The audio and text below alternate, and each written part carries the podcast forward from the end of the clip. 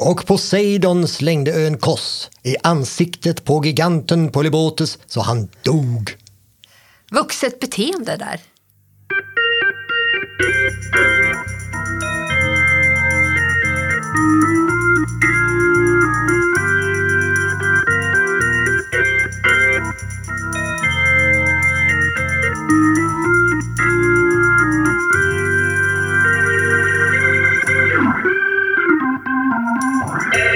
Hej och välkomna till en kvart om Göteborg, Stadsmuseets alldeles egna podd. Jag heter Ylva Berglund. Och jag heter Håkan Strömberg. Vad var det vi precis hörde? Åh, oh, bara en snutt ur den grekiska mytologin. Är signerad Alf Henriksson faktiskt. Den grekiska guden Poseidon tuktar en gigant med hjälp av en populär turistö. Mm klockrent exempel på en okontrollerbar ilska.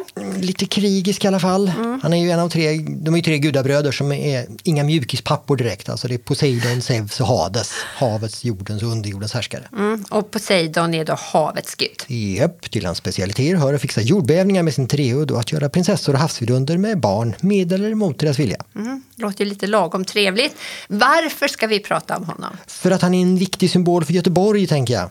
Han finns överallt. Hans mm. triod hittar du lite varstans. Han står uppe på Börshuset vid Gustav Adolfs torg och i jätteformat såklart på Götaplatsen.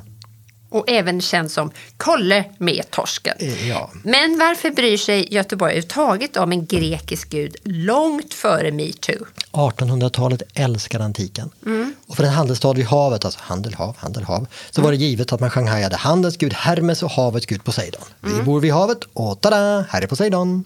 Mm. Havet som möjlighet Japp. alltså. Men vet du vad jag tänkte vi skulle prata om idag? Nej. Jag tänkte att vi skulle prata lite om havet som hot. Okay. Vi gjorde ju ett tidigare avsnitt om regn och nu tänker jag att det här är en uppföljning. Mm. Så idag talar vi återigen om vatten och om hur Göteborg rustar sig mot framtida stigande hav och skyfall. Okej, okay, vad vill du börja? Vad sägs om från början? Alltså människor, de har ju kommit hit till den lägsta punkten vid Göta älv långt innan det fanns någon stad. Pratar du stenålder nu? Ja. Okej. Okay. Det var is, och så var det is, och så var det is och så smälte den undan och för typ 12 000 år sedan kom de första tappra hit. Och var kom de ifrån? Söderifrån är väl tanken. De, det gick att gå torrskodd hit från kontinenten då, så de, de kan ha bott i vad som nu är norra Tyskland på vintrarna och sen när sommaren kom drog de upp hit för att fiska och jaga säl och ren. Mm, vem orkar Göteborgsvinter? Precis. Och spår de här boplatserna hittar vi fortfarande vid det som var strandlinjen då. Mm, så det var strandnära boende som gällde redan då? Ja, men sen har alltså stranden rört sig. Mm -hmm. Den har mhm. gått både upp och ner. Mm. I Sandarna i Majorna finns boplatser som är 8000 år gamla och de låg vid stranden då eftersom vattnet stod 18 meter högre. Och samtidigt är boplatserna överlagrade med en förfärlig massa grus och sand eftersom havet har svämmat över dem. Mm. Men hur går det här till då? Ja, men det är två konkurrerande processer. Alltså, å ena sidan så har du, är du med Å ena sidan har vi havsnivåerna. Mm. Eh, det smälte ju fruktansvärt massa is vilket gjorde att vattnet höjde sig. Mm. Å andra sidan så när all den där isen hade legat på Skandinavien så hade den ju tryckt ner landet och när den smälte undan så började landet höja sig. Mm. Så det är alltså landhöjning och havshöjning mm. som pågår och de liksom hoppar bock ibland. Hoppar bock? Ja, men den här landshöjningen den pågår ju än idag, eller hur? Ja, det är någon millimeter om året. Mm. Men alltså om vi backar, under vissa perioder så var landhöjningen större än havshöjningen. Då mm. flyttade sandarna folket in. Sen ökade vattennivån och då dränktes boplatserna och sandades över. Och sen ökade landhöjningen igen och boplatserna hamnade långt uppe på land. Mm. Men är det inte ungefär vad som pågår just nu. Alltså vi har landhöjning samtidigt som permafrosten tinar och polarisen smälter. Jo, havsnivån höjer sig nu som då, fast nu är det typ man-made. Mm. Då är frågan, vad gör Poseidon åt detta? Han skulle ha koll på havet, han skulle ha koll på otäcka oväder och farliga undervattensströmmar.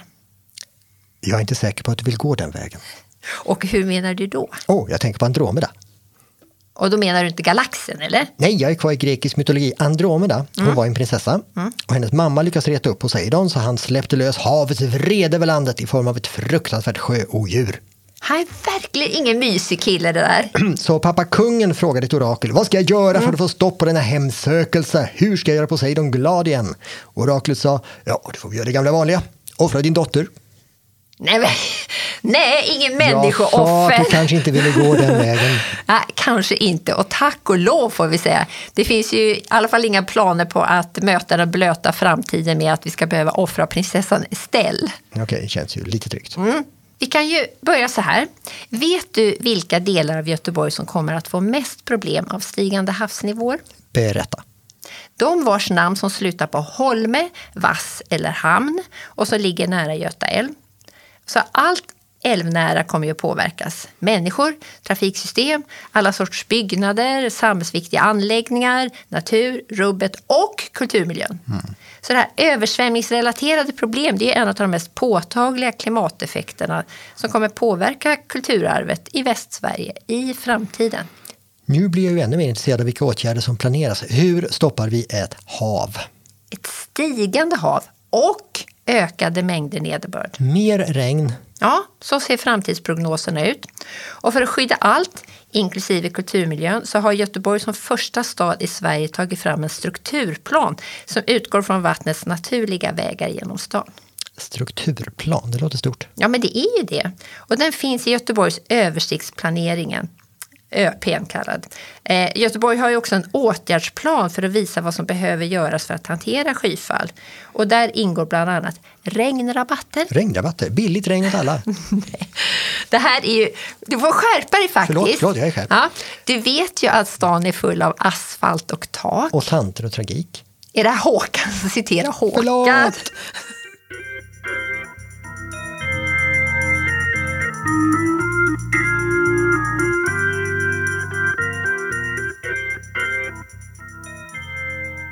Alltså regnrabatter, det är ju ett sätt att förhindra tragik. Det är ett sätt att fördröja och rena regnvatten. Eller dagvatten. Och när det regnar massor, då blir ju gatorna översvämmade och vatten som inte kan tas upp av avloppssystemet åker ju rakt ut i älven eller andra vattendrag och smutsar ner. Så för att förhindra det här, då kan du använda en planteringstunna med växter dit dina stuprör är kopplade. Alltså jord helt enkelt, som suger upp. Vi pratar back to nature. Precis, och du kan bygga en själv. Lite svårt här i studion kanske. Ja, ja men okej. Men alla som är händiga, de kan gå in på goteborg.se och söka på regnrabatter och pyssla lite efter bästa förmåga. Och för lite inspiration kan man också besöka Kvibergs park och kolla in den i verkligheten. Men det, det vi pratar mer ytor utan asfalt helt enkelt. Mm. Mer då, för att undvika tragiken. Ja, men då finns det ju högvattenskydd. Är det vad det låter som? Mm, det är en mur. Och vid Packhuskajen så byggs den på själva kajmuren och den ska klara 2,3 meter höga vattenflöden. Mur plus mur. Och hur länge räcker 2,3 meters vattenhöjd då? Ja, men enligt de här beräkningarna som Stadsbyggnadskontorets klimatstrateg eh, Lisa Ekström har gjort så ja, de säger troligen till år 2100. Okej, eh, men det känns fortfarande lite som att backa. Alltså mer öppen jord och grönska. Och så ska vi bygga murar ungefär där Göteborgs gamla försvarsmurar stod. Ja, fast det skulle väl hantera krigiska danskar va? och inte vatten. Jo, byggda för ett anfall som aldrig kom. Ja, men lite så är det ju nu också. Ingen vet ju när vattenmassorna anfaller, men vi måste förbereda och mer skydd med, mot ett svajigt klimat. Det är verkligen på gång. Som vad då? Som stormportar som är öppna utom när det stormar då och vattnet trycker på. Då stänger de. De ska vara klara till 2070. Uh, om 50 år? Då har väl Venedig redan svämmat över? Ja, de säger ju det. Har du, har du hunnit vara där? Har du varit där? Ja, men jag klarar mig torrskodd genom besöket. Tur för dig, för där har vi ju en stad som verkligen har handskats med översvämningar. Av turister. Ja, de också, men de betalar för sig i alla fall. Det gör inte vattnet, det kostar miljarder. Men i Venedig har de i alla fall satsat på att bygga ett fördämningsverk med ett fiffigt namn. Vattenhalt. Nej, Italien är vitsfri zon. Där kör de bibliskt. Det heter Mose, efter han som delade Röda havet så att de hebreiska slavarna kunde lämna Egypten torrskodda. Ja, men det var väl faktiskt Gud och inte Moses som delade havet. Teknikalitet. Och det hade varit lite fånigt om de kallade systemet för Gud. Dessutom är namnet en förkortning dessutom för, nu kommer min bästa italienska. Bra. Modulo sperimentale elettromeccanico. Och det har hittills kostat i runda slängar 50 miljarder. Och det funkar. Om vi fortsätter det bi- bibliska temat här så har ju någon sagt att helvetet är en plats där engelsmännen är kockar, tyskarna står för tv-underhållningen och italienarna dirigerar trafiken. Ja, kanske inte så här helt politiskt korrekt, men lite roligt får man säga. Ja, men i alla fall, det här är inte trafik, men det är någon form av infrastruktur i alla fall. Och den består av betongfundament på havsbotten med gångjärn. Och då blir det det här lite av saltvatten, betong och metall. Kunde varit bättre. Svårt att säga, Mose är fortfarande inte i bruk. Men, men en sak vi kanske kommer tvingas lära av Venedig, det är det här med varningssystem. Vattnet stiger. Precis, stan översvämmas alltså på vintrarna och det här blir ju verkligen bara värre och värre. Jag har läst att 2019 var det högsta vattennivån på 50 år i det området. Mhm. Och vattnet förstör. Alltså det förstör palats, kyrkor, butiker, kajer. Så för att minska skadorna så skickar stan ut 59 000 varnings-sms ett par dagar i förväg när högvattnet är på gång. Då hinner åtminstone butiksägarna flytta upp sina varor på hyllorna. Mm. Ja, dit har vi inte nått i Göteborg, än i alla fall. Eller inte på länge ska vi kanske säga.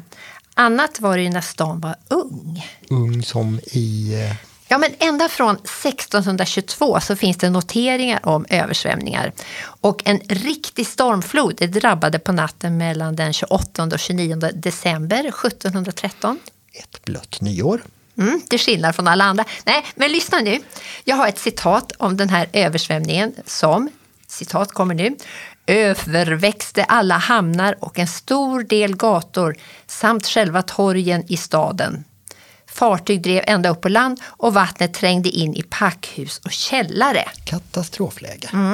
Och vatten i källarna är ju fortfarande en säljande rubrik vartenda år. Var det, inte, var det 2006 det var sån här riktigt skyfall? Ja, då översvämmas ju E6 bland annat. Och bilar och vatten, det är ju ingen bra kombo får man säga. Eh, men det är också alla sådana här samhällsviktiga anläggningar som till exempel Sahlgrenska sjukhuset är jätteutsatt för extrema skyfall. Det ligger liksom mellan två berg på en eh, låg punkt. Mm, och överhuvudtaget, Göteborg är väldigt känsligt för översvämningar eh, som inte bara bara beror på havet utan också på regn. Varför det? För här finns tre vattendrag och var och en för sig kan de ju drabbas av höga flöden. Men de kan ju också bestämma sig för att svämma över samtidigt. Blöt, blötare, blötast. Då är det Göta älv och Mölndalsån och Sävån. ja. Och att Göta älv får höga flöden, det beror ju det beror liksom på Vänern och ah, vattenflöden långt norrut också. Mm, ja, men det stämmer. För när det regnar för mycket uppströms så, så svämmar det över även Mölndalsån och ån över i Göteborg och det kan ju bli långvarigt. Så den här Myndigheten för samhällsskydd och beredskap, de har jobbat med ett översvämningsdirektiv för Göteborg. Och Göteborg ska då få en ny infrastruktur som ska hantera ja, en ökad nederbörd med något med bland annat skyfallsvägar. Vad är det? Ja, men det är liksom en väg som under torra förhållanden så är det bara precis som vanligt. Men när det kommer ett skyfall, då ska den kunna transportera vatten. Oj, det planeras. Fast ibland kan man ju fråga sig om vi alltid går framåt. Ja, men hur tänker du nu? Regn tänker jag, mer regn. Om jag säger stadsplaneringens svar på paraply, vad säger du då? Eh, tak? Ja, okej, poäng där. Jag, tänk, jag tänkte på arkader. Arkader? Arkader. En gång så var Göteborg en av de städer i Europa som hade flest arkader. Det här fantastiska mellantinget mellan ute och inne som gör att du kan gå genom stan utan att bli regnad på. Du kan titta i skyltfönstren utan att behöva gå in i affärerna. Mm. Men vad har de tagit vägen då? Uppslukade! Nej. Ja, men alltså, man har byggt ut, man har byggt igen dem helt enkelt. Aha. Eh, Fastigheterna har växt ut, butikerna har slukat arkaderna. Och istället så får vi gå på smala trottoarer ute i regnet. Ja, det är inte så strategiskt kanske. Men då borde vi kanske lägga det här på listan över klimatåtgärder. Men om vi ska summera nu så kan vi annars alltså se fram emot regnrabatter, Ja. även sådana som folk kan bygga själva, skyfallsvägar, högvattenskydd i form av murar som de Ja, det är ungefär som de som byggs nu bakom kasinot vid Packhuskajen. Och där ska ju fortsätta byggas ut längs älven. Och sen så har vi också stormportar som kan stängas vid behov. Som ska vara klara om 50 år. Det, det låter lite som att stan är under belägring. Mm, lite så. De är belägrade av Poseidon. Uh. Men alla de här åtgärderna, det måste ju kosta miljarder. Ja, Det kommer det absolut göra, men det blir ännu dyrare om vi låter bli. Så inför ett så här svajigt klimat så behöver vi ju rusta stan. Men är vi då fortfarande lilla London undrar jag? Mm. Blir vi inte allt mer lilla Venedig? Ja, men jag gillar faktiskt båda. Förr, lilla London. I framtiden, lilla Venedig. Men, alltid Göteborg. Oh, vad det är slutklämmen. Ska vi sluta där? Tack för att ni lyssnat. Ja, men tack för mig också. Vi hörs nästa gång. Thank you.